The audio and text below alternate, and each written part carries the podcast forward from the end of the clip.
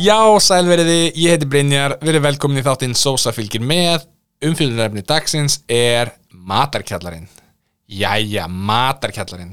Heyriði, það voru þeir Lárus Gunnar Jónasson, Gustaf Axel Gunnlaugsson, Guðmundur Hannesson, Valtýr Bergmann og Ari Freyr Valdimarsson sem opnuðu staðin árið 2016 Aðalstræti 2 við Ingolstorg lappar niður í kjallara, Matarkjallarinn. Elgamalt hús yfir 160 ára gamalt sangvænt heima síðu staðarins. Guðmundur Reyni Guðmundsson þetta sem mummi knaspilmaður hann á hérna, landsleiki, þrjá landsleiki fyrir íslenska karlalandsleiki fótbollta hann var ofta að spila þarna á, á piano sem er á staðnum og það er mjög oft lifandi tónlist á staðnum sem ég kann mjög að meta, mjög skemmtilegt svona, svona, svona öðruvísi ekki sérstaklega íslenskt og passar mjög vel við stemmingu staðarins myndi ég segja. Guðmundur mjög fær píjánuleikari og margir aðrir færir píjánuleikara sem eru þarna að spila. Eins og segi, opnaði 2016 Anna Kristín Magnúsdóttir eigandi Kjóla Confects sagði árið 2016 að besti maturinn, besta þjónustan og besta verðið væri í matarkjallaranum ef þú ætlar að gera vel við þig. Reykjavík Greipæn gaf staðnum frekar jákvæðan dóm árið 2016 en segðu að eini gallin væri verðið en væri samt þessi virði árið 2017 var staðurinn í öðru seti á TripAdvisor yfir bestu veitingastæðina í Reykjavík. Þá var Resto í fyrsta seti 2017 sagði Elisabeth Ólastóttir skrifstofustjóri ríkisáttasemjara í viðtalið við Mósfelling að matakjallarinn væri hennar uppáhaldsveitingastæður og svo 2018 þá var staðurinn dottir neyri í nýjunda seti hjá TripAdvisor yfir bestu staðina í Reykjavík, veitingastæðina í Reykjavík og í fyrsta seti var Icelandic Street Food. Árið 2019 fekk staðurinn svo verðlun frá Greipvæn fyrir besta lampakjötið, vel gert vel vel gert. 2019 þá kom Ed Sheeran til landsins eða svo hlustundur kannski muna. Sámaður er mikill hæns aðdáandi af einhverju ástæðu.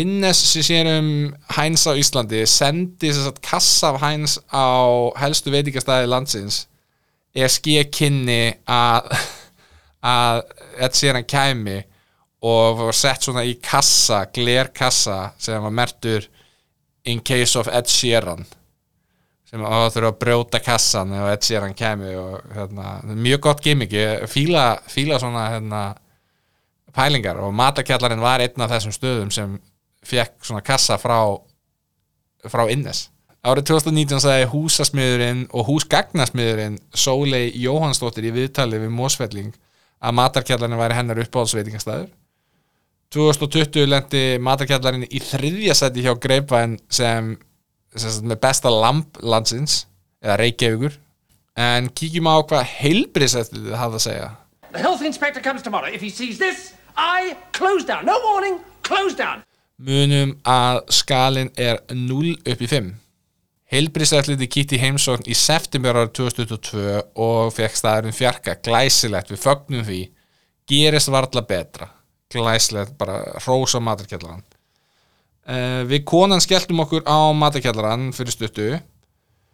Ég hafði einu sinni komið fyrir mörgum árum og þá var einmitt uh, áður nefndur mummi að spila á píanóið og mjög hugulegt og mér fannst maturinn þá mjög góður. Ég man ekki alveg hvað ég fekk mér ég man bara að ég fór sáttur það nút þetta hefur verið svona 2017 cirka kannski 2018 en eins og ég segi, svolítið langt síðan. Staðurinn sjálfur er rosalega hugulegur ég ég, ég er svona að reyna að velta fyrir mér hvaða staðir í bæ eru hugulegri en þessi staðir og ég, þeir eru ekki margir held ég það er andrúnsloftið er mjög cozy og, og já, svona hugulegt það er raun og veru eitt við það er raun og veru, já ok, ég ætla að reyna að fara mjög fínt í þetta. Það er í raun og veru aðeins eitt hlutur við staðinn sem ég finnst að þurfa að breyta. Upp á veggjónum sem eru náttúrulega þetta er gamalt hl hlaðið hús og það er maður sé steinana og steinveggir og, og eitthvað svona. Og það eru fallega myndir af dýrum veist, svona handteknar eða skannaðar inn eitthvað, veist, þannig að mjög svona vandar myndir og sem gefa staðnum svona öðruvísi áferð heldur en aðrir íslenski veitingastæðir að þannig að mínum að en síðan er líklega skrýtnasta listaverk sem ég hef séð á íslenskum veitingastæða sem hangir uppi þar sem við sátum. Ég sem betur fer snýri baki í það þannig að ég ef ég hefði setið það sem kona mín sata þá hefði ég örgulega ekki getað einbeitt mér að borða. Þetta er sem sagt mynd af síðustu kvöldmáltíðni sem er í sjálfu sér ekkert það skrítið nema hvað að þetta er skorið út á það sem ég skilst að heiti hérna, messingsblödu og þetta er svona hvernig, ég veit ekki hvernig á að lýsa þessu. Þetta er svona gilt svona gulleit plata. Þess að það sem er búið að skera út að ég held. Ég, ég veit ekki hvernig nákvæmlega þetta var unnið síðustu kvöldmáltíðina. Sem væri sjálfur sér ekki það skrítið en, en, enn og aftur nema hvað að þetta verk er líklega 6 metrar á lengt ég, ég, ég neita að trúa öðru. Þetta, þetta er 5-6 metrar kannski meir en 6 metrar. Þetta er fáránlega langt og, og mjög hátt líka. Tekur risastórt pláss á vegnum og eins og ég segi, fólk má hafa sína skoðun á list og, og, og, og svoleiðis og ég hef mjög miklar og sterkar skoðunir á list. Þetta er ekki eitthvað sem ég myndi hafa á veitingastað. Ekki undir neinum kringustæðum með fullir vinningu fyrir listamannum sem er Þór Karl Selin. En já, þetta þetta, þetta, þetta er svo tröflandi tekur alla aðteglina ef þú, ef þú, ef þú snýla ekki baki í þetta sem betur fyrir fyrir meiri hlutan af staðnum þá sést þetta verk ekki hvernig það er staðsett. Eh, það eru fleiri sæti í, í hérna, hinum megin við veggin en eru hérna, þeim megin sem þetta verk er. En þetta tekur allan fókus af öllu. Ég held í alvörunni að ég hefði ekki getað haldið upp í samtali við konuna mína ef að ég hefði sittið það sem hún satt.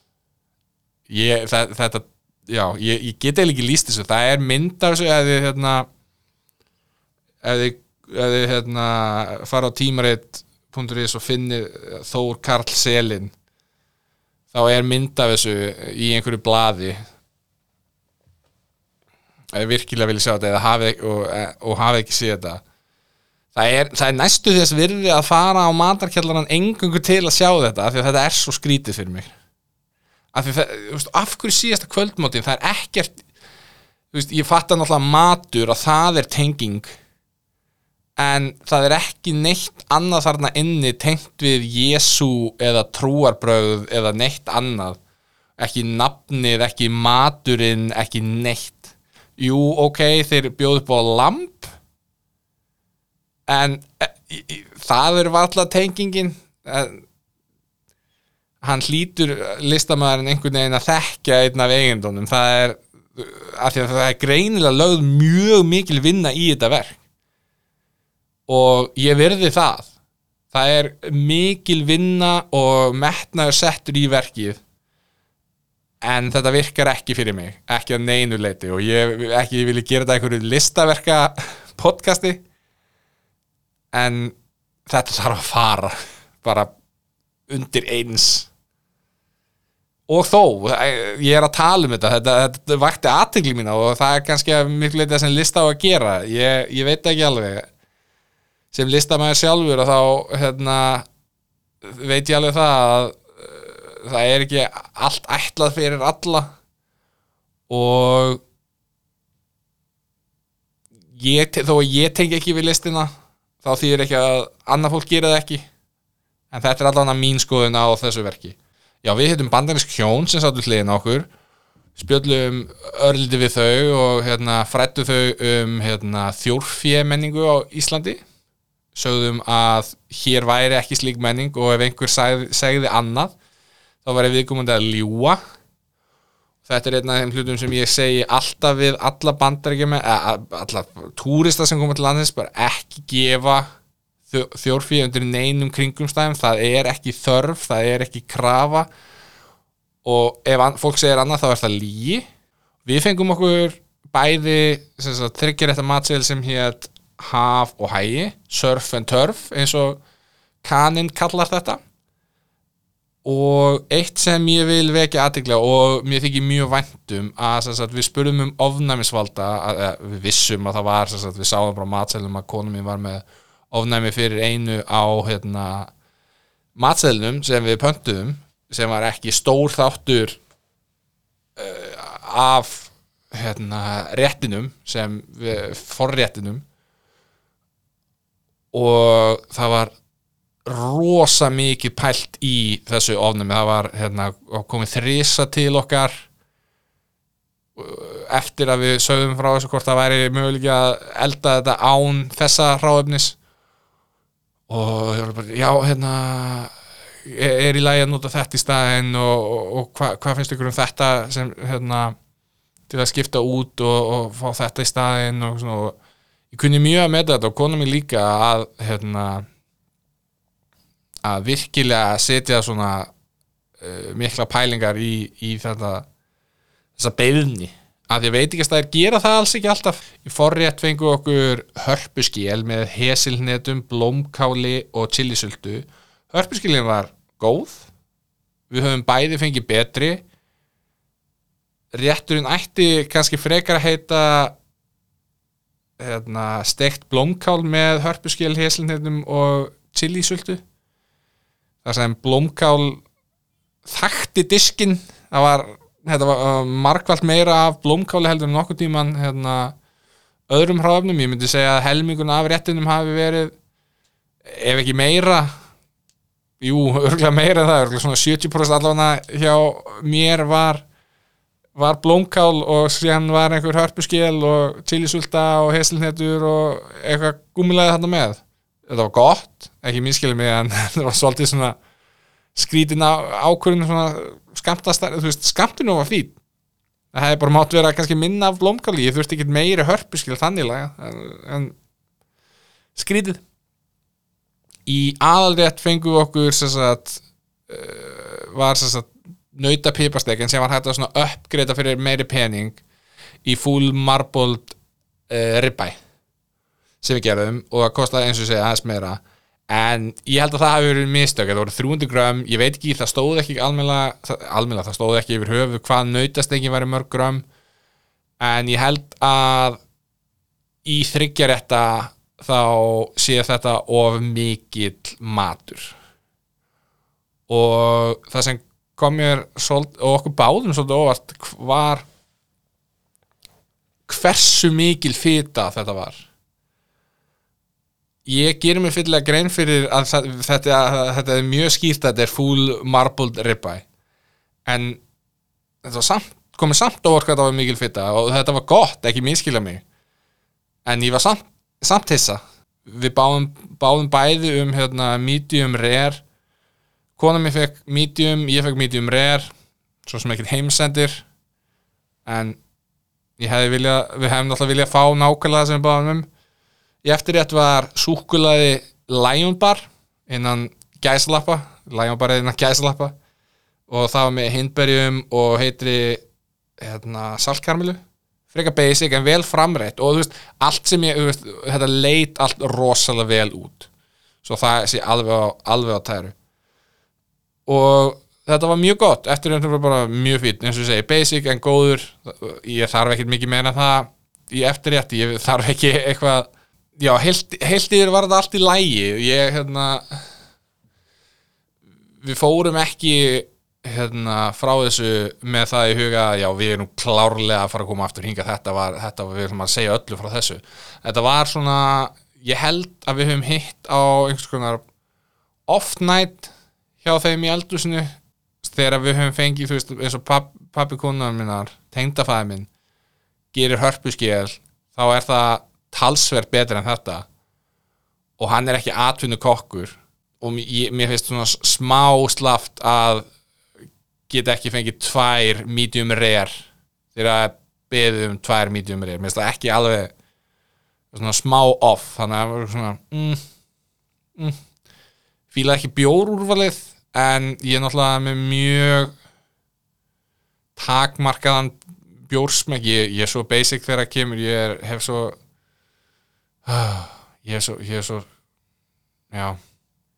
Basic ég, ég gef mér Túborg Classic og, eða venjulega Túborg eða einhver aðra einhver, ekki Viking ég, ég, allir lagerbjórar nema Viking í raun og veru finnst mér góðir. Kannski, kannski hérna, er ég skrítin fyrir það að það verðist vera vinsalasti bjórin þannig að ég fekk mér Peroni. Peroni er náttúrulega mjög fyrir bjór. En já, við munum prófa að fara hann aftur einhvern tíma klárlega, þetta var ekki eitthvað eitthvað hérna eitthvað drasl hana en við höldum að veist, þjónustan var frábær. Maturinn hefði mátt vera aðeins betri. Svona, eins og ég segi ég, ég, ég, ég hef ekki verið að gefa engun í þessu en þetta fyrir mér var svona sjö ég bjóst ekki við ég bjóst við að fá allan að mat upp á átta, segjum það. Ég, þetta var aðeins undir væntingum. Miður það sem ég heyrt af matarkjallarinn